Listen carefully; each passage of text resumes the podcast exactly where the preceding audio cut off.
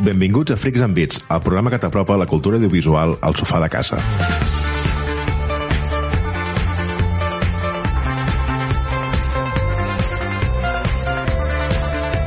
Avui, cadascú des de casa seva i esperant a que arribi l'any 2053 perquè ens comencin a vacunar, som Pau Sabés, Molt bon dia! Néstor Sart, Bona tarda! Magí Berneda... Jo estic vacunat. Molt bona nit. Oh! Tu, professor. Jo soc Pau Aguilar i això és Freaks and Beats.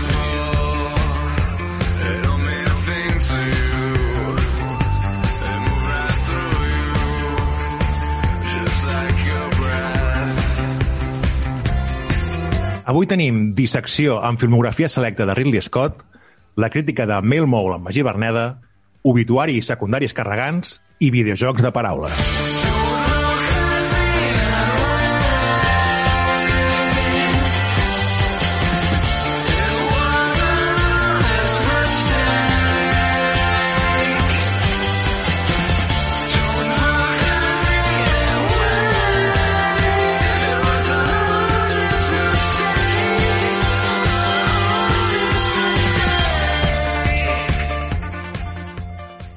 Bé, i avui, amb motiu de que ens surt del papo parlar del tema, avui parlarem de Ridley Scott i la seva filmografia. Pau, endavant!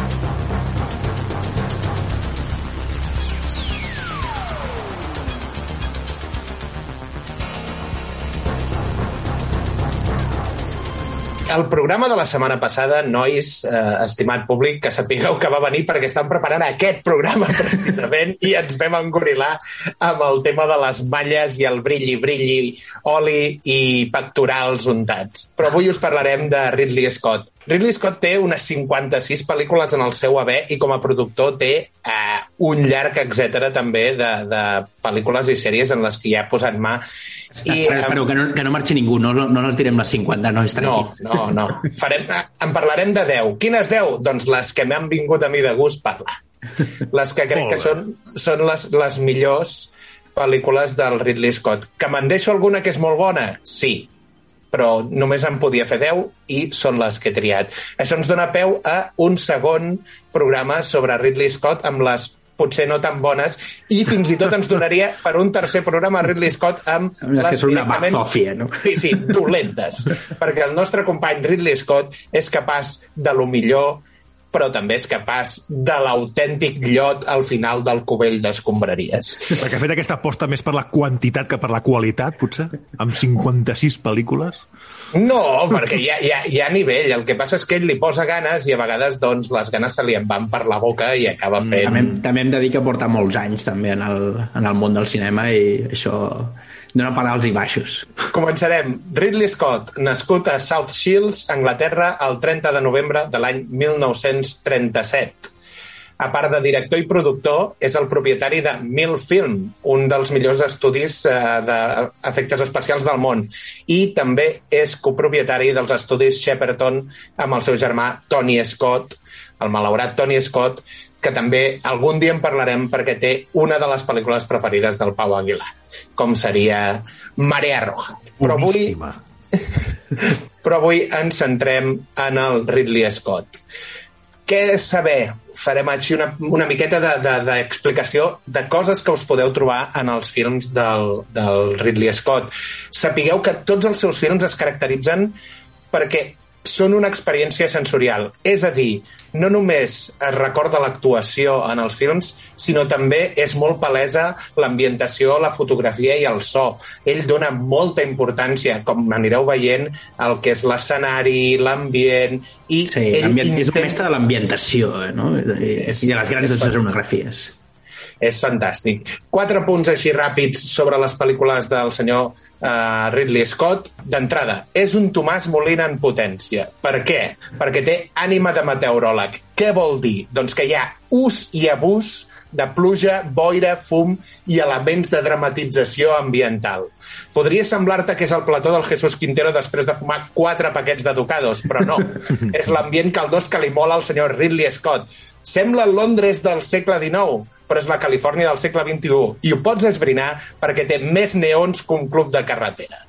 A part, li encanten els ventiladors. És a dir, aquest vent a la cara una mica exagerat, és una de les seves Això, signatures. Pau, el dia que puguem mirar una pel·li de, del Ridley Scott amb el, amb el DualShock a les mans que et faci aquí una floritura... eh? que, que, que et tiri aire a la cara, no? Una altra de les coses, escenaris més plens d'objectes que un passadís de coses per la cuina de l'IKEA.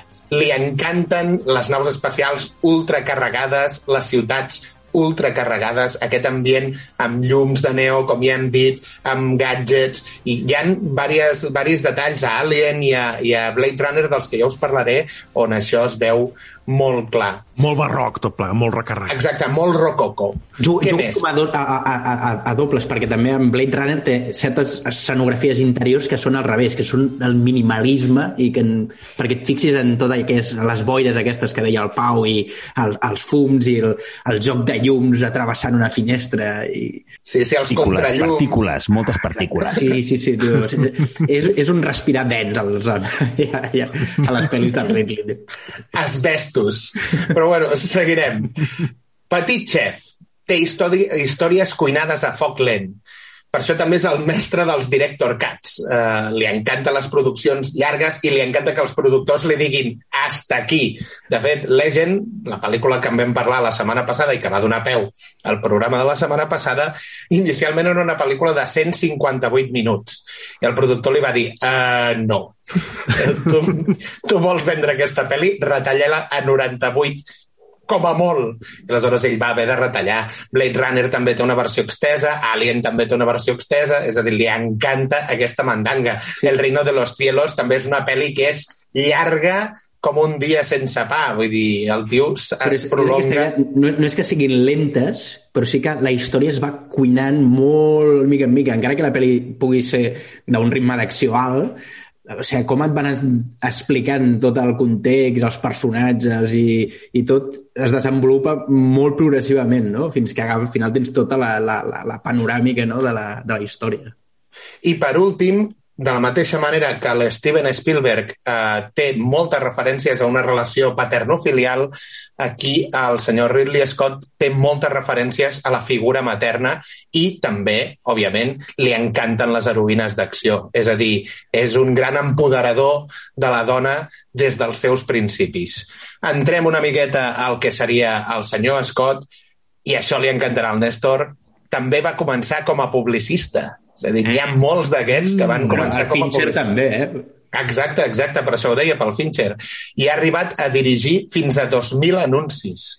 És a dir, Quantitat per sobre de qualitat, també, com podem veure. i entrarem amb la que va ser la seva primera pel·lícula, el seu primer llargmetratge, que seria Los Duelistes, basat en un llibre del Joseph Conrad Joseph Conrad, creador, bueno, escriptor de, i escriptor del Corazón de las Tinieblas, que és la pel·lícula en què després es basarien per fer Apocalipsis Now. És una, una pel·lícula protagonitzada pel Keith Carradine, el Harvey Keitel i l'Albert Finney sobre un conflicte entre dos cavallers usars de, durant les guerres napoleòniques que es va allargant en el temps i va creixent exponencialment. Aquesta l'he posat perquè és la seva primera pel·lícula, però ara entrem a la que seria la seva segona pel·lícula i que ja és una masterpiece. Pel·lícula de l'any 1979, Alien. We'll move in pairs. We'll go step by step and cut off every bulkhead and every vent until we have it cornered, and then we'll blow it the fuck out into space. Is that acceptable to you? Inspirada, segons el mateix Scott, en Star Wars, 2001 per tot el tractament que es fa en l'espai i La matança de Texas per tot el tractament que es fa en el terror. És a dir, ell agafa els conceptes d'aquestes pel·lícules i decideix crear aquesta obra mestra.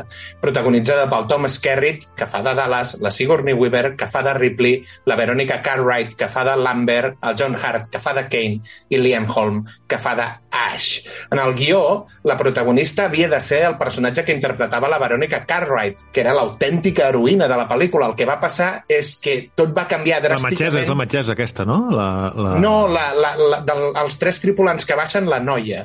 La noia que baixa. La rossa. Ah, sí, la rossa. Que hi ha dues noies. Doncs si una és la Sigourney, doncs sí, sí, sí, l'altra. sí, sí, sí. L'altra havia de ser la protagonista. El que passa és que l'escena de l'Alien eh, donant-li la digestió pesada al John Hart eh, no li havia explicat a ningú què passaria va sorprendre els actors i la reacció que té la Veronica Cartwright va fer que no li agradés i va decidir que aleshores canviaria el guió i la protagonista seria la Ripley. Ripley, paper pel qual el Tom Skerritt, que és el Dallas, havia tirat guió, o sigui, s'havia presentat ell perquè inicialment no era un, un paper protagonista femení, era un paper eh, masculí i era el tinent Ripley. Doncs gràcies a Déu que va guanyar perquè és una de les heroïnes més bades que hi ha a la història del cinema. Sí, totalment d'acord. A més, És, a l'època, mi- eh, que a l'època era molt estrany veure una heroïna en, en el món del cinema i, i recordo que durant molts anys era, o sigui, com a heroïna només podies pensar en la Ripley. L'autèntic gir cap a bades realment el fa a la Aliens del James Cameron. Aquí ella és una, una, una oficial. Hi ha un moment que, que perd els papers, però collons, qui no perdria els papers tenint aquest puto bitxarraco a la nau? Si els perdem, amb una, a- els perdem amb una sargantana a la cuina, no els perdràs amb Aliens. Però, bueno, dos detallets més així. Uh, novament, Joseph Conrad apareix. El nom de la nau no era Nostromo, però agafen Nostromo del llibre de Joseph Conrad per posar-li nom a la nau. I un altre detall, l'Alien inicialment tenia ulls, però el Ridley Oh, pues, Scott va dir que li traiessin Gran encert, perquè els ulls el fa molt més tenebrós i inescrutable. Jo crec que, jo crec que és una... una un, o sigui, el personatge s'ha convertit en una icona. És com de la mateixa manera que el, el depredador inicial hi ha aquelles, aquelles provatures que és una mena de, de dolent de Power Rangers. I a part hi havia una altra, una altra curiositat que, d'això, que la deixo ja anar, que un d'ells era que Jean-Claude Van Damme havia de fer de, de depredador vestit amb aquella mena de, de llagosta espacial i el tio va dir no, no, no. No, no m'imagino el depredador fent espagats. Oh, això és magnífic, això, entre dos Ballant. arbres. Pam! I la, vaina, la, vaina, la vaina loca, no? Banyant la vaina loca. Estic fent un espagat i mirant els ulls al, al, al Schwarze, saps? Anar-li dient, tu i jo, un dels dos no pot sortir viu d'aquí. A mi Oh. m'agradaria recordar el primer cop que vaig veure Alien, no me'n recordo, òbviament, però, però algú que la vegi per primer cop eh, potser eh, es sorprèn perquè el personatge del Dallas és el típic prototip de, de mascle alfa, saps què vull dir? Que t'imagines que és el protagonista, que serà qui, qui es desempallegui de l'Alien i tot això, i al final realment no és així. La qual cosa No. no. doncs, és interessant. Sí, sí. No, no. De fet, eh, el que és molt gran d'aquesta pel·lícula és que en el moment en què es va fer cap dels actors realment era un, un actor conegut i no sabia realment qui anava a sobreviure. Clar, tu dones per fet, com dius tu, que el capità, que és el, el Durakas, Que té serà qui és- empaque, sí, sí, sí. Eh, i que és el que diu me voy a meter amb el lanzallames aquí i aleshores precisament la Verónica Cartwright li va dir lo tienes encima, quina mena de merda d'indicacions són aquestes, encima cap a on saps què et vull dir? És com quan Ja. estàs conduint i diuen cap allà. I, pues, cap allà, què cony és cap allà? No és res cap allà. Que clar... Però bueno, és igual. Peliculón, per mi és una obra mestra. I entrem a la segona obra mestra, que seria la tercera pel·lícula, que és pel·lícula de l'any 1982, Blade Runner. All those moments will be lost in time like tears in rain. Protagonitzada pel Harrison Ford com Rick Deckard, Rutger Hauer com Roy Batty, la Sean Young com a Rachel, l'Edward James Olmos com a Gaff i la Daryl Hannah com a Pris. Inspirat en el llibre Somien els androides de, a novelles mecàniques del Philip K. Dick i a part l'estètica veu del còmic The Long Tomorrow signada pel Moebius i pel Dan O'Bannon que també l'havien ajudat ja amb el que era l'estètica del bitxo a Alien. I aquest còmic és, és considerat un dels còmics més influents a la història del cinema què dir, música d'Evangelis, un Los Angeles post-apocalíptic gairebé, perquè és un, un Los Angeles supercarregat, supercontaminat. Sí que és cert que es passen el llibre una miqueta per al que seria la Xella. Un altre però- seny, se- segell d'identitat del senyor Ridley, no? Sí, sí, agafar el llibre i dir Detroit, me'l passo per Detroit i creu jo la història que m'interessa. Petita curiositat, el Rick Descartes eh, va tenir varis eh, candidats. Es faré la llisteta clàssica Dustin Hoffman, Robert Mitchum, Tommy Lee Jones, Christopher Walken, Jim Hackman, Jack Nicholson, Al Pacino, Sean Connery, Robert Duvall o Arnold Schwarzenegger. I finalment va ser Steven Spielberg que li va dir tinc aquí el meu col·lega en Harrison prova'l. I li va encantar el Harrison Ford i va decidir que seria uh, Harrison Ford que fa, eh? Sí, sí. Paperot, paperot que fa. És que no m'imagino un Blade Runner amb un, amb un tio molt musculós com, com un Arnold. I això és el que t'anava a dir. O sigui, la, la majoria que ha dit el haver quadrat ben el personatge, Robert Mitchum potser era una mica massa gran, però, però un Schwarzenegger, vull dir, veure, fa una feina de- d'investigació, vull dir, no fots allà un paio... És que això no necessites un mega mazat per fer aquest paper. No, no. Però n'hi ha alguns que hagués sigut curiós veure'ls, eh? L'Al Pacino, l'Al Pacino, per exemple... Sí. Ah, sí. El, el Dustin Hoffman, You're an Android, motherfucker. el Sean Connery. We have robots. No? Massa classe. Bueno, és, qui no l'hagi vist, és una pel·lícula que s'ha de veure, sí o sí. Vinga, ara ja entrem a la selecció erràtica. Pel·lícula de l'any 1991, Thelma i Louise,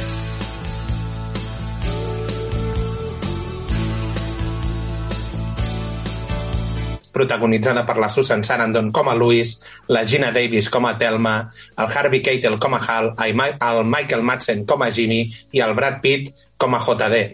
Com Els pro- Jovenzuelo... Sí, és el fumar.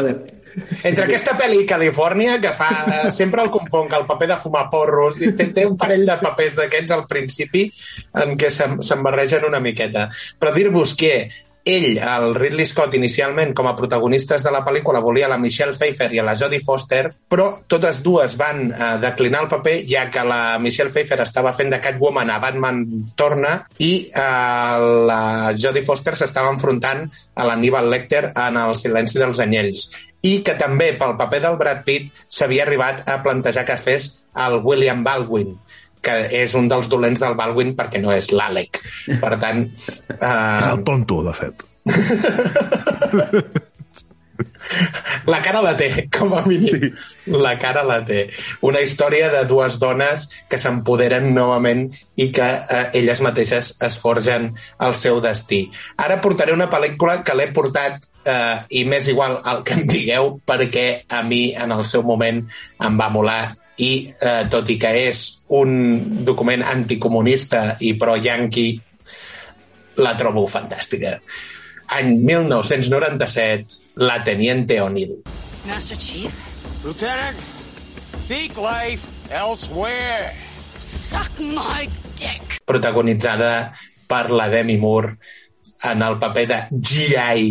Jane, que em fa molta gràcia, que és el títol original, G.I. Jane, on intenten que hi hagi un accés a les dones a la, o sigui, que les dones tinguin més, visi, més visibilitat a l'exèrcit i aleshores agafen una dona i la foten al que seria el programa més hardcore d'entrenament de l'exèrcit americà, que és el, el, el pla d'entrenament del SEAL, amb un Viggo Mortensen fent d'instructor, que és un autèntic Dios. cabronàs, Quin, quin, Fa bullying directament, vaja. Sí, sí, Sí, sí. sí, li fa un bullying hardcore. Dos petits detalls, un que li encantarà al Pau. El primer, que no és el que li encantarà, és que el llibre de poesia que al final el Viggo Mortensen li deixa a la taquilla a la, a la Teniente O'Neill és del Viggo Mortensen, de debò. És un llibre que ell va dur per fer aquesta escena. I la segona, el submarí que surt a la Tinent O'Neill submergint-se amb la posta de sol, aquella mateixa escena surt a Marea Roja. Oh, està comandat pel Denzel. És el submarí del Denzel Washington i los caballos hispanos. Sí. Ara ja entrem a pel·lícula de l'any 2000, Gladiator. My name is Maximus Decimus Meridius, commander of the armies of the North, general of the Felix Legions. Protagonitzada pel Russell Crowe com Máximo Décimo Meridio, Lúndico, eh, Meridiano i tot això. Capitán de las fuerzas de... De, de, Men- sí, que de fet és l'hispano, és, és de Mèrida, el, el, el nostre amic Russell Crowe, on comença el bromance, Extremeny, extremeny, sí. Eh, comença el bromance entre el Ridley Scott i el Russell Crowe, en el que faran diverses pel·lícules juntes. També surt el Joaquin Phoenix fent de Komodo, la Connie Nielsen fent de Lucilla i l'Oliver Reed fent de Próximo, el Richard Harris fent de Marco Aurelio i un llarg, etc. La pel·lícula que va intentar tornar als peplums al, al, a, la, a la cartellera i el problema que va tenir és que els efectes especials hi ha en alguns moments que se'ls hi veu el llautó. Només començar la pel·lícula veus un tio amb texans caminant pel camp dels romans, també veus els bidons d'aire comprimit que fan que es volqui el carro, hi han incongruències històriques com l'ús de ballestes quan les ballestes encara no s'havien inventat, o sigui, és una pel·li que... són minúcies per una pel·li que és fantàstica. Vull dir, que està plena de grans, grans, grans diàlegs, grans monòlegs, de fet, que amb el, amb el, amb el, amb el Russell Crowe fent un paperot de, de, de màximo i, i, i, i, i traient-se el casco allà al mig del circ, tio. I, I ensenyant, ensenyant aquell pentinat romà, tio, amb, amb, amb ronya fins a la cella, aquell pentinat greixós. Dir-vos que les ferides que té a la cara en aquella escena són reals. Es va caure, va tenir un accident amb un cavall durant una escena gravant i les, les ferides durant la lluita són reals, és a dir, ella, les hòsties no, no, és, no és efecte especial, que és l'únic que no grinyola de la pel·li, tota la, la resta d'efectes sí que grinyola. Jo, home, aquell pentinat que duia, no sé si anava al Coliseu o sortia de l'Escòrpia, eh? Una de dos. És, és on, es va, on es va inventar la cera de cabell, no? Amb la ronya de, su- i suor de romans lluitant. I també el paper de Joaquim Phoenix, quin tio més odiós i més Oh. retorçat. Quina ràbia, Quina ràbia. Déu. O sigui, em va costar molt superar aquell paper de Joaquim Phoenix i no veure'l amb, amb, amb odi. És que en lloc de Comodo, aquest sí que s'hauria d'haver dit pijos màximos, eh? No com el... Això perquè és el nen malcriat, el de no, jo vull ser el... el Jo jo vull ser l'emperador, costa... Sí. Sí, una mica, una mica a l'alçada de, de Jeffrey de, de, Oh, Game of Thrones. de Game of Thrones, no? Una mica, és aquest punt de- d'això que dieu, mal, nen malcriat i amb poder. No hi ha res, res pitjor que aquesta combinació de tot. I també a l'any 2001, com ja hem dit, la Jodie Foster li va tirar el paper a terra i ell va fer Aníbal, no en penso parlar, i en vam parlar quan vam parlar del silenci dels anyells, però sí que us parlaré d'una altra pel·lícula que va fer l'any 2001, basada en el llibre del Mark Bowden, Black Hawk Derribado.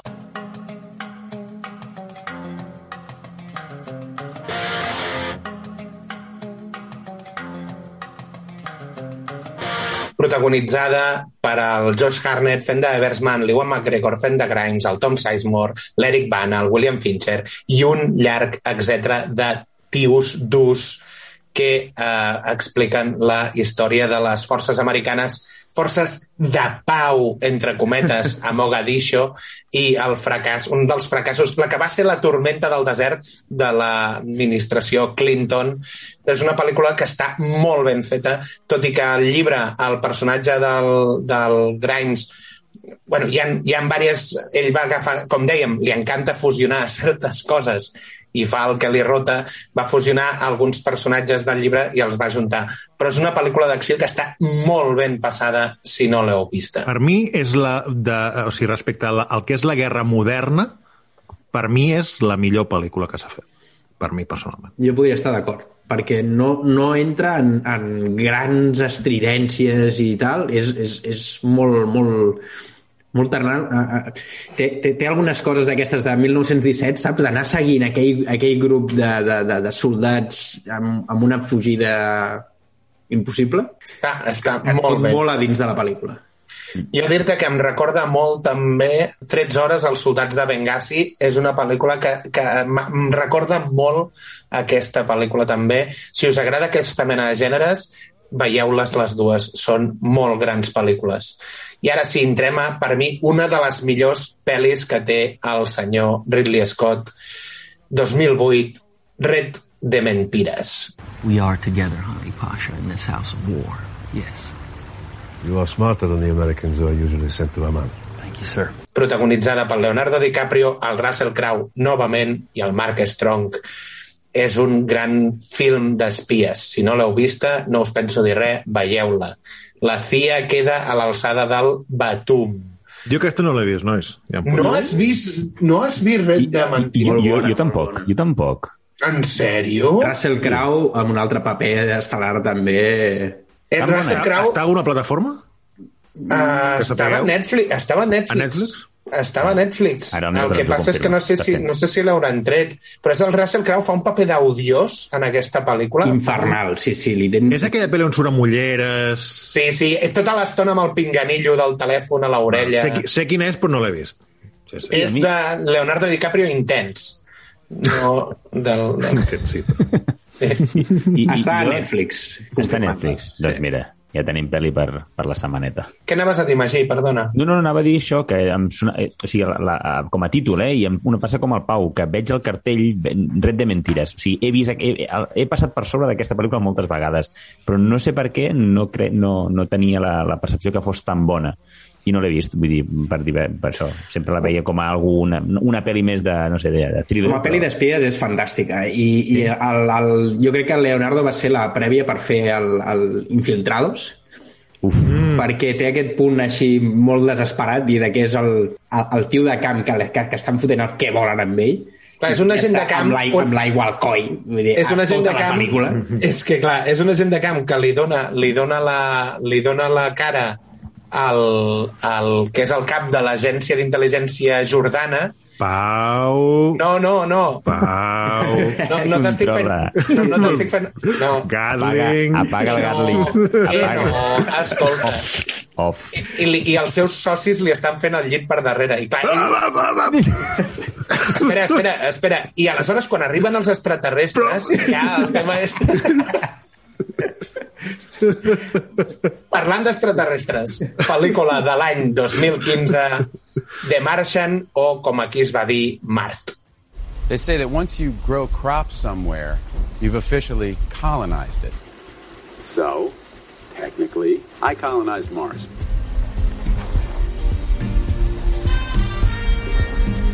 In your face, Neil Armstrong. Basada en el llibre de l'Andy Weir, protagonitzada pel Matt Damon, la Jessica Chastain i la Kristen Wiig. És un pel·lículon, aquest també. Boníssima. Està molt ben passat tot el que és el, el tema d'ell allà... Puc dir-ho, no?, que ell es queda a Mart o també és un spoiler?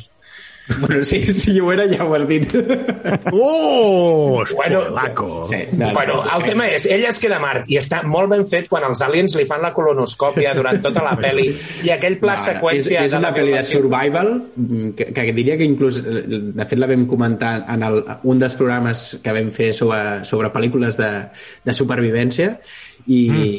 I, i realment és un tio apanyant-se en un lloc on no hi ha res Es podria dir Matt Damon cultivando patates. Sí. Jo, jo re que, repeteixo... perquè que em realment són, són puptates. Uh! Ja, qui, hagi, qui hagi vist la pel·lícula entendrà el per què.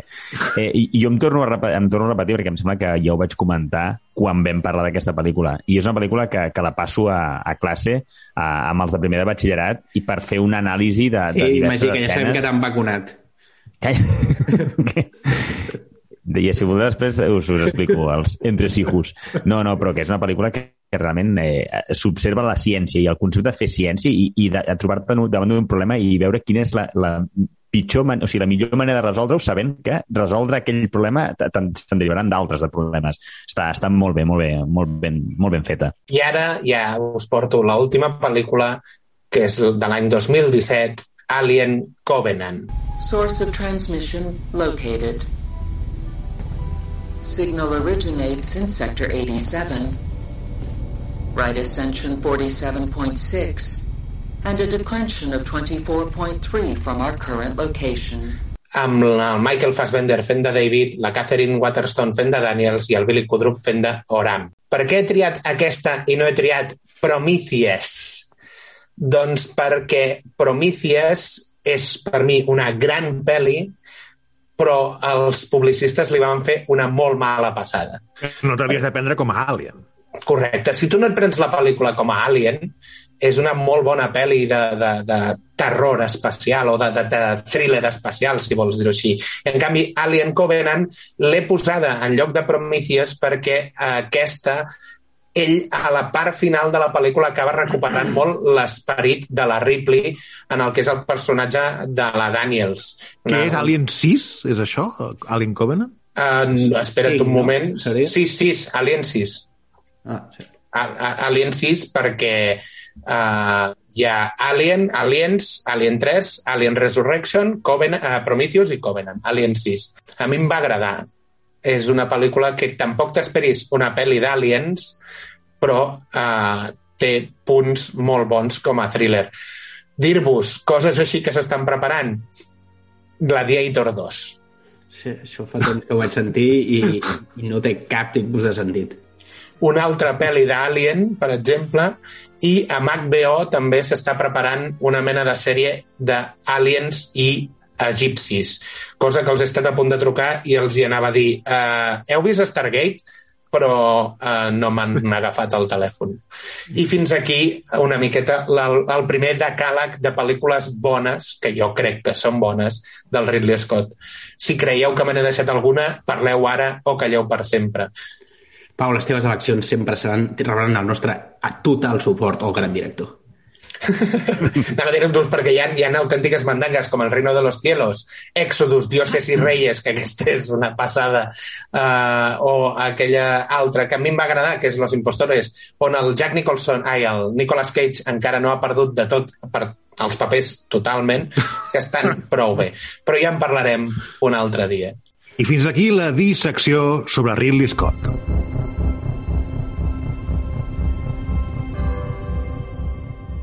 I ara, la crítica, amb Magí Berneda.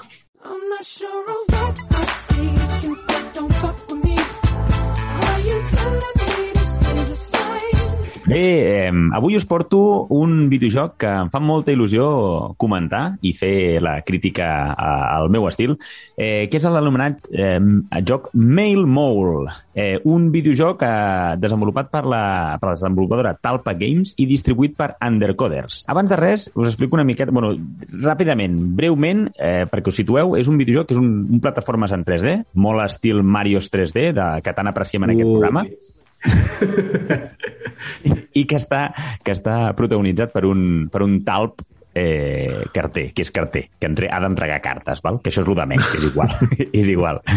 Eh, Bueno, si, si, si, hem, si hem aguantat tants anys amb, amb, amb un fontanero, tio, vull dir, em sembla que ara no, això ja no, no, no ens suposarà cap problema. Perquè el lampista és el que grinyola més. L'Arison Botes no, oi? L'Arison Botes és un tio totalment normal. Blau, a més. Eh, un respecte per Sonic, nois. Un respecte. Sí, molt, és que ja he mirat la pel·lícula, per l'amor de Déu. Pues què va? Encara trigaré a mirar-la, nois. El Pau s'està el Pau s'està esperant a mirar Sonic 1 i 2 juntes. No? Espero que, La marató. que surti la segona per fer la marató de les dues. A veure, us, us, abans de res, abans de fer una mica la- l'anàlisi crítica del joc, us he de dir que, que va ser molt, molt curiós i que eh, deixeu-me tenir el moment grupi que, que, que m'ha permès eh, el fet de formar part d'aquest programa eh, de Freaks and Beats, que és que eh, eh, em vaig escriure un tuit, em vaig posar en contacte amb el David Jaume Andreu, que és un, un dels membres fundadors d'Undercoders, de la distribuïdora del, del joc. Vaig, realment li vaig contestar un dels seus eh, tuits que deia, eh, fe, feia el comentari de si alguna, alguna, alguna pre, algun equip, alguna, com es diu, algun mitjà, algun mitjà de comunicació que no tingui la còpia, que, que m'ho digui, que m'ho faci saber. Vale? I jo vaig dir, "Mm, no sé si Freaks and Beats és un És una gran comunicació. plataforma de llançament. Magí. Pues evidentment que sí. Doncs som el, el programa de videojocs de Ràdio Sant Quirze, que també es parla de cine i també es parla... O sigui, El programa de videojocs on hi ha gent que menys entén de videojocs, com nosaltres. És el programa del Magí i els hooligans. Correcte. Doncs, doncs va tenir efecte, vaig, vaig, eh, vaig ser molt Fixa't, cuidadós. perdó, Magí, fixa't que avui t'estem respectant molt perquè avui això és algo molt important, eh? No, no, s'ha posat una medalla aquí, eh, el Magí. Aquí, Dita històrica avui a Freaks and Bits. És, el Magí sortirà sense rebre 10 insults per segon, no? Bueno, això ja ho veurem, això... Ja ho veurem. moment que segueixi. Potser us acabeu animant, mai mai se sap. Eh, doncs això, vaig, vaig, vaig mesurar molt les paraules i vaig escriure un tuit molt, molt, molt simpàtic i molt, i molt agraït i molt cuidadós i, i sí, sí, vaig demanar a veure el si... Magí, Magí l'especial. eh? sí, sí, a veure si sonava, si sonava la flauta.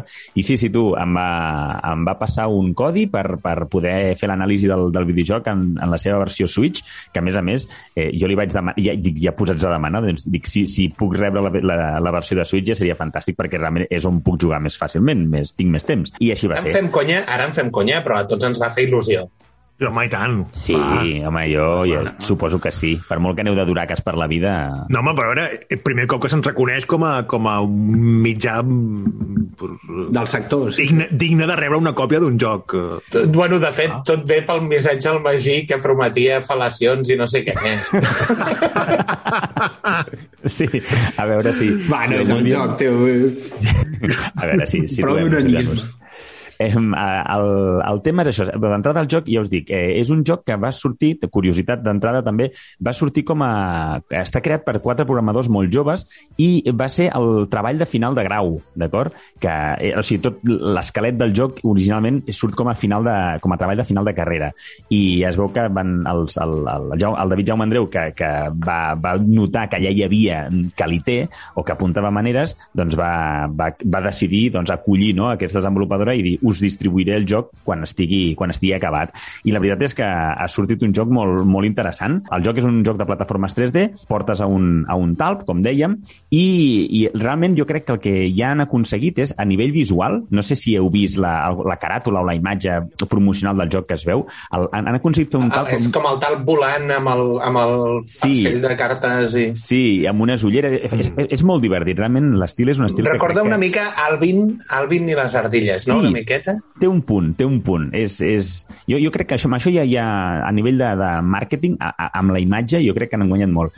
El joc en si, doncs dèiem, és un videojoc 3D. A mi, sabent que era un joc petit, en, en, entenem-ho com a petit, eh? perquè, clar, avui dia estem jugant, la majoria juguem a jocs que són triples A, i aquest era un joc que es presentava com a indie, no? I a, a part, potser també aquesta idea que eh, ens menys tenim moltes vegades, perquè el videojoc és un videojoc català, vull dir, que està fet per, per, per quatre catalans que, que, que, que vinga, han creat un, una cosa i, i la veritat és que ha sortit molt bé. La, el primer contacte que vaig tenir amb el joc, a, la, a les primeres pantalles on mous el, el, el talp, realment es, el joc es mou molt bé, es veu molt bé, no intenta, vull dir, és un joc que intenta ser cookie, no? molt, molt, molt vi- visualment, molts, molts colors. La veritat és que superxulo. Mm, les fases, eh, és un joc que les, les fases són fases relativament curtes, és el típic que... La, la història en si és el de menys, eh? ets un carter i has d'anar enviant cartes per, per anar acons- aconseguint en, en el, el lloc on, on, on vius, en la ciutat on vius, de repente que hi falta energia en diverses zones de la ciutat i re, re, enviant les cartes doncs, aconsegueix energia. Però Això és com la història dels Mario, vull dir, sempre, o sigui, algú s'agresta de la Peach, vull dir, ja I, està. i, i no, no hi ha més, sí, és, és l'excusa. Sí que potser així d'entrada la cosa que, el punt que em va semblar una mica menys original és que el, el, passes per totes les fases típiques dels, dels videojocs de plataformes, no? Ja tens la, el món del desert, el món de la jungla, el món de gel, vull dir, tot això és com, dius, ja he estat per aquí, no? Això sí que potser no és molt nou. Ara, a nivell jugable, té unes mecàniques molt xules. De fet, com a curiositat, clar, ets un talp, no? I el talp, els talps es, es, es desplacen per sota terra, no? Es belluguen per sota terra. Doncs aquí eh, van utilitzar aquesta, aquesta estratègia de, de fer, bueno, crearem el talp i, i qui es belluga, no? el personatge que movem, no el veus quan s'està bellugant. O sigui, tu el que veus és, sabeu quan les típiques pel·lícules quan es mou alguna cosa per sota terra, no? Que veus com que es deforma el terra i veus com... Voltet de terra anar-se un, desplaçant. vo- un voltet de terra, clar. Doncs això, fixeu-vos que és una estratègia que van, van crear els propis eh, programadors per, perquè no es carregui molt el joc, no? perquè sigui fàcil de moure. No has de, fer, no has de curar-te moltes animacions, senzillament es va movent aquesta cosa pel terra. Sí que el veus al talp quan saltes. Al moment de saltar fa, el, el, apareix, no? Dir, fa, fa un salt i torna a entrar just quan toca el terra i es fica sota terra directament. Té una mecànica molt xula, que és el, el conegut com a dash, no? l'esprint, però que l'has de fer eh, i, i has de trobar el tempo, no? Saltes i en el moment en què entres al terra, apretes el, aquest botonet i et fa un sprint. I és, és una mecànica molt, molt divertida que et permet superar diversos reptes. Llavors, una cosa curiosa, el videojoc en si té, com us deia, petites fases que hi ha dues maneres d'encarar-les. Pots anar molt de tranquis, d'aquesta manera també et poses el, aquest, el repte d'intentar trobar les tres fruitetes que s'amaguen a cada pantalla, o bé encarar-ho anant a saco, intentant eh, superar els temps. Cada pantalla et marca, això ho tenen molts jocs de mòbil, no? el típic, que te'l pots superar amb una estrelleta, dues estrelletes o tres estrelletes, en funció del temps que triguis. Llavors, per obtenir les tres estrelles no necessites trobar les tres fruitetes amagades, necessites anar a muerte. Llavors es converteix en un repte encara més bèstia. De fet, jo no me l'he arribat a passar del tot, he jugat bastant, i sí que he de dir que hi ha punts on les pantalles es tornen complicades. O sigui, el repte a nivell de joc, mm, vaja, jo he jugat a bastants plataformes 3D i hi ha moments en que dic, ostres, aquesta part mm, i una mica guarra. I el tema dels checkpoints, una mica, no tan bèstia com el, com el Jedi, el, el Fallen Order, sí, però, però sí que de vegades et queda un checkpoint que et queda una mica lluny i dius, hòstia, ara he de tornar a fer tota aquesta part. Vull dir que no, no dificultat pel dels enemics, sinó dificultat de salt, de plataformes, que això una mica és, és a la, la part divertida. Mm, Per tot això, jo al joc li donaria un 8. Crec que és un joc que, que Ui, és divertit, joder, és molt divertit. Sí, sí, sí. Notable és que- alt. Com a, com a joc, i a, a part, a veure, és un joc que es resol relativament ràpid, eh? Són, Sabem, jo, això aquí, aquí eh, potser et foto aquí un compromís, eh? però sabem preu de distribució del joc aquest? O... Sí, sí, sí, el joc està a uns 12 euros. De fet, eh, o 12 dòlars. Eh, el podeu trobar per Steam i en Switch. No sé, suposo que si va bé el, sortirà en, en altres plataformes, però, de fet, una de les, durant aquesta setmana el, el joc va sortir oficialment el dia 3, que això també el, el, em van dir, no digueu res del joc, que era, sentia aquest moment grupi de ai, no puc dir, tinc, tinc un embargo. Tenies, tenies embargo de nota i, i el, el boner sortia del telèfon. Així. Jo anava, anava, anava caminant pel carrer i a tota la gent amb qui em creuava anava dient no, no, no em preguntis, no puc parlar del joc, no puc parlar del joc. No és confirmat Steam a 12 euros, 11,99. 11,99, no? I em sembla que és el mateix preu que, que en Switch. I una de les coses que durant aquesta setmana el, el joc sortia el dia 3 i, i em sembla que el dijous o el divendres un dels creadors va fer un retweet perquè es veu que a, a Steam, plataforma d'on on avui en dia si jugues a PC tens Steam, eh, estava en portada i, i sortia en portada, clar, això és molt bèstia. Va donar, els hi va donar molta, molta visibilitat, molta publicitat, i entenc que els hi deu estar anant prou bé. Ja us dic, és un joc que el fet de que no sigui de 60 euros, és un joc per 11 euros, si vols jugar un, un joc tipus Mario, perquè ens entenguem, doncs et dona un... és un aire, un aire fresc, una De mica fet, ara, que- ara que m'ho estava mirant, la majoria de ressenyes dels usuaris eh, a Steam són positives. O sigui que, molt bé. Bé, bé, bé. He jugat i li ha agradat, vaja. Hi ha pocs paus aguilars per Steam. Ho dius per plataformes 3D? Sí. No només això, sinó pel teu caràcter amable i, i senzill. tio. Mr. Vinagre? I a, a nivell, a nivell de, de so, he de, he de dir que a les primeres pantalles em va agradar molt perquè hi havia com una espècie de jazz accelerat, bastant, bastant xulo. De fet, la música té com molt estils diferents, eh? és difícil trobar-hi perquè vas canviant de món i és com que canvia bastant l'estil de música, però bueno, ja es dic, en, en general, un joc que ha sortit molt bé. Tinc moltes ganes de saber si, espero que els hi vagi molt bé als, a, a Talpa Games i que, i que creïn un altre joc. O sigui, imagineu-vos que, els, que això els hi, realment ho peten i, i acaben creant un triple A català i, i que se'ls escapa de les mans i passen de, i de, de plataformes en 3D a un GTA català. O sigui, Com el del Vin Diesel a Barna perseguit pels Mossos. Però ben fet, però ben Mare de fet. Déu, aquell joc era lamentable. Però era, era molt dolent. Molt, Molt dolent. dolent, Era molt molt, dolent. Sí, sí. doncs, doncs, doncs això, esperem que els hi vagi molt bé i ja us dic, un joc que, que recomano. La veritat és que si, us, si voleu plataformes, cateu-lo. Molt bé, Magí, gràcies per la crítica. Bé, i ara, motiu de que el passat 1 de febrer ens va deixar l'actor Dustin Diamond, que feia el paper de Screech a Saved by the Bell, una sèrie de la nostra infància barra adolescència, doncs l'equip de Freaks and Beats va pensar que, que havíem de parlar de, de secundaris en algun moment. És, està fora de tota secció, però parlarem de secundaris. Bé, Néstor, què tens a dir-nos de Dustin Diamond, del mític Screech? Bé, tots el recordem, no?, per al seu paper de a l'empollon de la classe que sempre anava de la maneta del director. I, i, he, de, i he de dir bueno, que, que és curiós perquè va ser un, un actor que va tenir una vida turmentosa després del seu pas per la sèrie, perquè si com altres, altres actors eh, han, han reconduït la seva carrera, ell, ell va caure en una espiral de drogadiccions, alcoholisme, eh, va arribar a fer una versió porno de Salvados por la Campana en què ell, Oh! en què ell hi participava. Va, també va presentar una, una, una biografia polèmica en el que airejava bastants draps bruts mm, no se sap fins a quin punt contrastats de la sèrie i va acabar doncs, com va acabar eh, fa, farà un mes Eh, I res, eh, volíem fer amb el, amb el Pau una petita repassada d'alguns eh, secundaris mítics per diversos motius i que ara en començarem a parlar. Molt bé, Pau, digue'ns ara aquesta llisteta de secundaris eh, excelsos. Saps? No estic de... O sigui, aquest comentari ve perquè t'he passat la llista de secundaris i n'hi ha alguns que no estàs d'acord amb el que anava a dir ara. Perquè sou uns haters tots plegats i jo sóc l'únic aquí amb, amb una mica de, de respect. El que volem fer és una llista de secundaris que són mítics de pel·lícules i sèries que hem vist nosaltres. Inicialment eren secundaris carregants, tipus el, el, el que seria l'Screech, però eh, ens han sortit secundaris de tot tipus i, per tant, us centrarem només en secundaris, tot i que n'hi ha alguns que són carregants i entrarem en el debat. I el que era Salvados per la Campana en el seu moment tenia un alter ego, no un alter ego, no és el mateix en absolut, però era una sèrie que també tenia un secundari, que era el Jerry Steiner, protagonitzat pel Troy Slayton a l'imperdible Parker Lewis.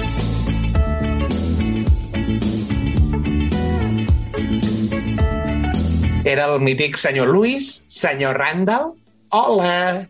El, el, aquell nano que anava amb gabardina i que de la gabardina treia tot d'invents. Era grandíssima aquesta sèrie, era magnífica. Yeah. Era, era brutal, era una sèrie fantàstica. Ara aquí entrarem en un que va començar com a secundari però que no ho és, que és l'Steve Urkel. L'Steve Urkel inicialment en el seu primer episodi, ja ho hem comentat algun cop, era el secundari, era el veí pesat que apareixia i li tocava els pebrots al Carl Winslow. Però van veure tanta química que van decidir allargar-li el paper fins que el senyor es va menjar la sèrie sencera sí. i al final la sèrie rodava al seu voltant. O sigui, és d'un secundari que acaba convertint-se en el protagonista. En el protagonista. Al, al principi sembla amb la frase aquella de l'he sido jo, no? He sido jo. Sí, sempre que feia alguna collonada. Entrem al tercer secundari. Aquest és cinematogràfic de la pel·lícula Arma Letal 2, el Leo Getz, protagonitzat pel Joe Pesci.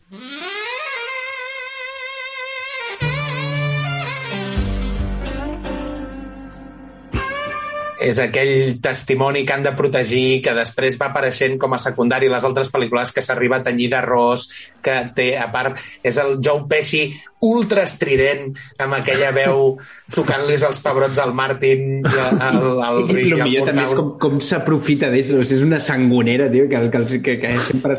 O sigui, no, són, són amics meus, tal. I, perquè ell s'arriba a fer investigador privat o no sé què. Sí, no? sí, sí, sí, es fa, es fa detectiu privat a, a Los Angeles està molt... Bueno, a mi m'agrada, és un personatge, el personatge còmic a Arma Letal. Van creure que la primera potser era massa sèria i van decidir afegir aquest personatge. Jo un personatge còmic seguiria estant acollonit del, del Joe Pesci, però bé. Sí. Molt bé, ara entrem a una altra mítica pel·lícula, American Pie, el paper protagonitzat pel Sean William Scott, l'Stifler.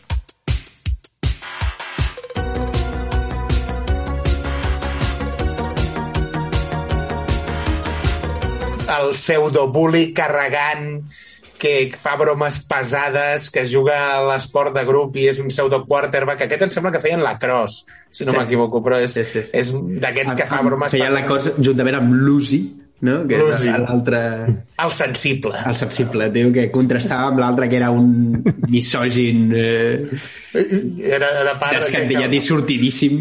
Eh, bueno, sí, sí. l'Osi també va sortir fins al punt que s'apunta al coro. Ja, però jo aquestes pel·lícules no, no les he vist. Jo no les he vist des de l'època de que érem jovenets. M'imagino que deuen ser d'aquelles que han envellit bastant malament, em temo. Ah, molt, molt, molt faltones, però és el que sí. dieu. L'Osi s'apunta per amor, eh, estic d'acord, i, i l'Steve Stifler, si entre ser i ella només tenia una cosa, que era el sexe a, a tope, o sigui... Però el millor de la pel·lícula és eh, la madre de Stifler, tio. que és el tio oh. més repel·lent de tota la classe, tio, que es fa a la mare del tio que, que, que més odia el la seva mare, Cappuccino. Culo fino, tio. Sí, sí. Molt bé, ara entrarem aquí. Aquí sí que no hi ha dubte. Només ho diré. Eh, Jar Jar Binks. Que hi ha rumors i, i, i rumors i, i bueno, rumorologia en el fandom de Star Wars que diuen que realment Jar Jar Binks havia de ser un Lord Sith, un Lord Sith i quan George Lucas va veure el hateo que va desencadenar aquesta mena de hippie jamaicà eh, va decidir cancel·lar... No, hauria tingut molt més sentit, vull dir, si el feies dolent després, eh, era perfecte li dones la volta al personatge i... De... És, ma és massa tonto com per ser un dolent sí. efectiu. Sí. Però perquè s'està fent el tonto i en realitat està manipulant l'emperador des de darrere. És, és com, a, com a sospechosos habituals, tio. De sobte el Jar Jar fa, canvia la cara, no? I, i, i passa a ser un oh! mega, mega killer Plot twist. Jar Jar José. Jo, jo perquè sempre m'he negat a veure l'episodi 1, no l'he vi- no l'he vist i no tinc pensat veure'l, però ja, És ja... un clàssic, no sóc un hater, però, eh? Sí, Correcte. totalment, tio. És que, és Però aquesta hi ha merda? edicions de la, de la primera pel·lícula fetes pel fandom de Star Wars on han tret totes les escenes on surt el Jar Jar Binks. Han deixat l'episodi 1 de manera que el pots veure sense el Jar Jar Binks. Molt bé, entrem a una altra pel·lícula d'aquestes de Cacaculo Pedo Pis, uh, Viaje de Pirados, on el Tom Green feia de Barry. Una altra Tom pel·lícula... el Freddy el Colgao. Freddy el Colgao. Comete la, amb la rata, no? Devora-lo, com era la frase aquella que tenia davant de, que li havia de no me'n donar. recordo. És l'escena aquella del uh, Daddy, do you want some sausage? Tom Green era un autèntic xalabrat. Sí, aquest, aquest tipus de pel·lícules són, són una mina per aquests, per aquests personatges. Ara aquí entraríem a un secundari del qual jo crec que en realitat és l'autèntic protagonista de la pel·lícula, que seria el Sam Sagaz del Senyor dels Anells. Mr. Frodo? Frodo? Frodo? Frodo? Frodo? Frodo? Frodo? L'autèntic secundari carregant d'aquesta pel·li és el Frodo. El Sam és l'heroi, és el tio que ha de carregar l'altre, no, de, no puedo, Sam, i se'l carrega a sobre, i el rescata dels orcos, i creua per al volcà, I de l'altre és que... I l'aranya, és que clar, tio, el, el, el Frodo és eh, l'autèntic timo, o sigui, us han enganyat a tots. L'heroi és el Sam.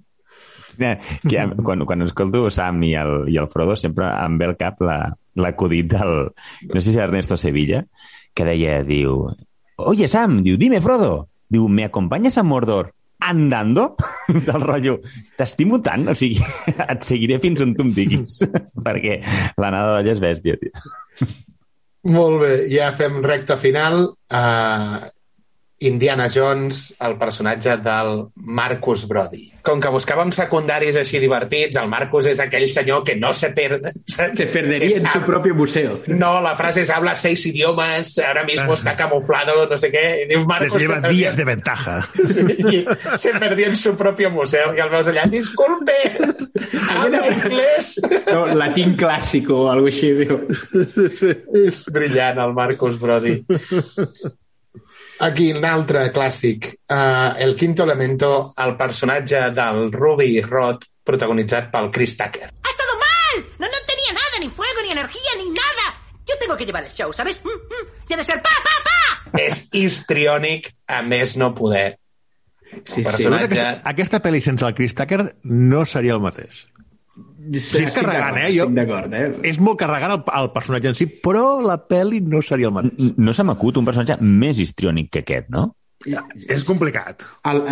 L'únic que se m'acudeix així una mica semblant poder seria el enigma de Jim Carrey a Batman a, a la Batman oh. Dels dos cares, tio, que, que, que, que el fan una és una cosa, vull dir, com, portada al límit. I mira que sóc un, Carrey. un gat... No, no és, no és... O sigui, Jim Carrey... És l'intent de Jim Carrey de... de fer un personatge sèrio, no? Sèrio? Això és, això és el show de Truman, segons Pau. Dir, Era l'intent del Jim Un Carrey. pel·liculot. Va, va. Bueno, espera, no vull entrar en polèmiques. Em queden dos personatges. Un, Brooklyn Nine-Nine, el personatge protagonitzat pel Joel Letruglio, Charles Boyle. Me and my main man Boyle are about to solve a case. Isn't that right, Charles? Oh, you know we will. We'll call ourselves the Night Boys. Kind of sounds like a male escort service. The Midnight Men. Even worse. The Dark Stallions. Looks like we're going with the Night Boys. L'idolatra- L'idolatrador del Jake Peralta, És- és que, que, que no, no, no coneix els límits de, de, del contacte físic de, del... O sigui, està super enamorat a la vegada del, del, del Jake. És fantàstic aquest Hi ha, hi, ha, personatge. aquell- hi ha aquell gag que és l'episodi en què es coneixen el, el Jake Peralta i la, i la Amy Santiago, que es presenten de, oh, jo soc el detectiu Peralta, tal, i su- surt el, el, el col·lega i diu, uh, escolto campanes de boda. Sí. I que es posa gelós quan apareixen altres companys d'altres Qualsevol, comissaries. qualsevol que diu que és un amic d'algo del Peralta el tio es posa ultra defensiva. És, és, és bo, no, o sigui, jo no, no, no he acabat de veure la sèrie eh, de Brooklyn, però amb el que porto vist, realment em fa molta gràcia, no coneixia els personatges que eh, la seva, el seu tret di- diferencial és que admiren a muerte, però, però sense límits. Aquest és el problema. Admira moltíssim el protagonista. No, no, i molta gràcia. m'agrada molt la, com el rol que pren a la, a, la relació amb la, amb la, amb la Díaz, eh, perquè, perquè és, vull dir, que qualsevol que hi ha algun problema és com si ell fumés pas de la relació. No podeu sabotatjar aquest matrim el nostre matrimoni i tal. Doncs espera't la setena temporada, hi ha dos moments brillants d'aquestes intromissions del... del... Quan, quan la fotran a Netflix? Aquesta no està a Netflix. Aquesta està a, a Movistar, a, em sembla que és a Comedy Central, la podeu trobar, han, han tret alguns episodis, però encara hi ha part dels episodis de la setena temporada. Però aquesta a Netflix encara no l'han penjada. I per últim, la sèrie Friends, aquí tenim doblete de personatges, un secundari clàssic, que seria el Gunther, el cambrer de la cafeteria enamorat de la Rachel, que quan el, quan el Ross es ven els mobles perquè la seva nova futura dona no vol res on la Rachel hi hagi sigut i ell li diu al Gunther que s'està desfent els mobles per aquest motiu, el Gunther li compra tot el mobiliari del pis del Ross. La- L'altre és el, el personatge de la Janice. Oh my god.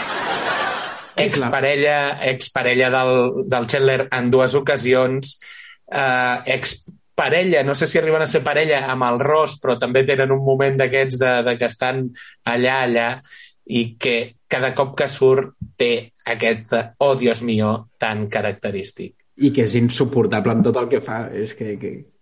Hi, hi ha un moment també molt màgic que és quan el, el, el, el, el Chandler i la Mònica s'han promès un regal de, no sé si és Sant Valentí o d'aniversari, molt El de la especial. cinta de caset. Li regala una cinta de caset especialment gravada per ella. Però que aquest episodi hi ha lo de les calces i el forat. El regal del Joey de fer-li un forat a les calces i donar-li les calces foradades. O l'altre que ell té el, el got de cafè amb la perxa. és que és fantàstic. Friends, Friends abans de que decaigués era una gran sèrie. Hòstia, però és una sèrie que es, es, es pot seguir veient, tio. És espectacular. Sí, sí, sí, és, té un humor molt, molt, molt, molt net, no? No he mirat mai ni un sol capítol sencer. Què dius, Pau? Així Mai. s'entén, així s'entén la vinagre. Sí, en aquest programa, en, en aquest programa estàs aquí deixant anar unes perles, ni episodi 1, Això sí, Ana i s'ho va tampar de, de pe a pa, eh? A veure, nois, Anna i té una qualitat que a Friends ja, ja li agradaria aspirar a tenir-la. que fort. Tu, Magí, tens alguns de videojocs, no? Videojocs he fet una petita selecció. A, a veure si en coneixem algun. Eh, Sí, home, sí, segur que sí. A veure, el, prim, el primer de tot és de la saga de Gra- Grande Fauto, del, concretament de Grande Fauto Grande 4. què? Eh, ja, va, Quin, ja està. quin, quin joc és això? És un indie. Uh, de la, del, concretament del Grande Fauto 4, el Brucey Kibbutz. Que gran aquest personatge. un, un, un autèntic addicte als anabolitzants, eh, addicte a fer a- al gimnàs, a estar molt mazat, però realment està anat de l'olla.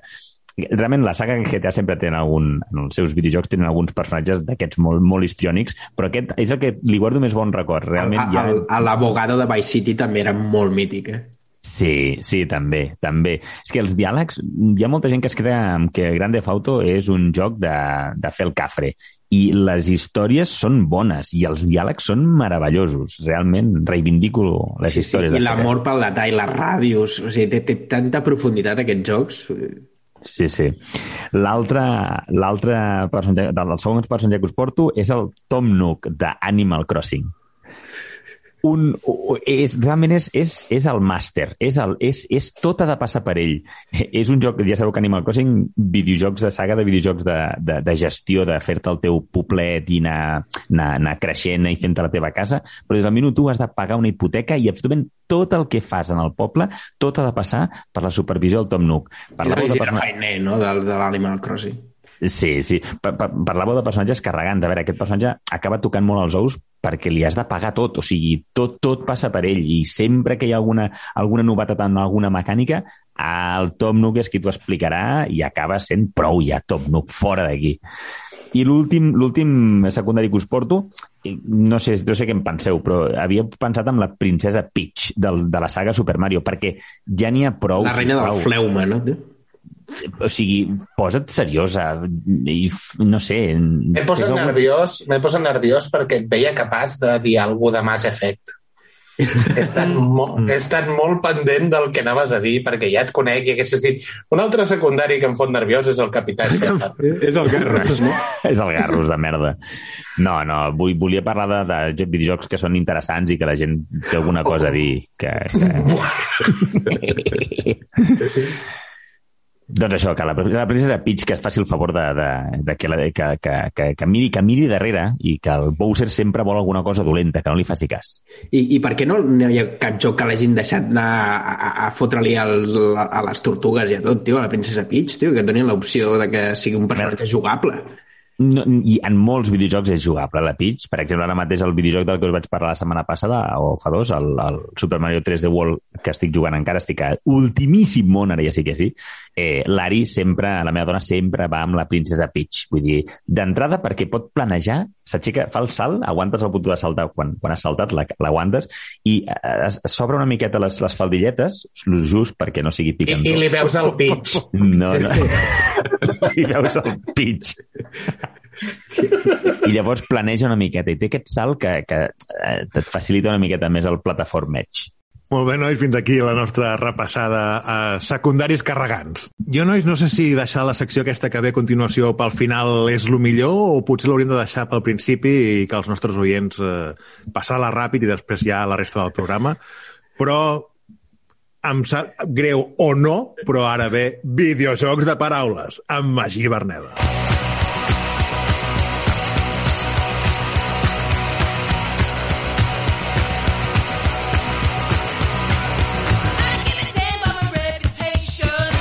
Va, va, que estem remuntant últimament, si, si està... Això és veritat, això és veritat. Últimament Poquet, el Magí... poquet món, poquet món, Jo, jo crec que... No, no, no és que estigui remuntant, no crec que estigui remuntant. Jo crec que Vam esteu tocar entrant... fons amb, el- amb el, el Sega Valley, tio, aquell vam tocar fons i llavors tot El va cap amunt. era... era... mm, Estava bé. No, va, fa, van, fer falta, van fer falta tres lectors d'arqueologia per desxifrar-lo, tio. Jo, ja, I el acabo... del gigasoli. És que, ho veieu? El problema és el temps. O sigui, no, no són més bons, esteu entrant al joc, esteu entenent l'humor, l'autèntic humor. Vinga, va, agafeu-vos fort. Vinga, vinga. Sobre el taló hi es veu una espècie d'elf vestit de verd que ha de triar, ha de triar. O se'n va arrestat o l'engarjolen. Nom del videojoc? De la gent o cela. De Legend o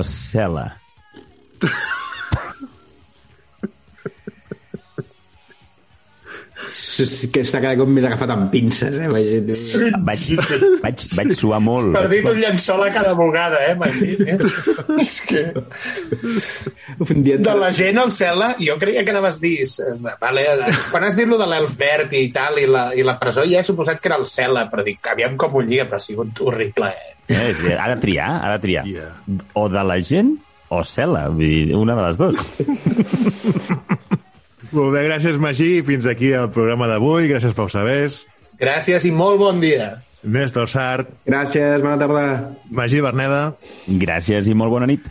I un servidor, Pau Aguilar, i recordar-vos que vosaltres sou els autèntics herois. No, però això a part.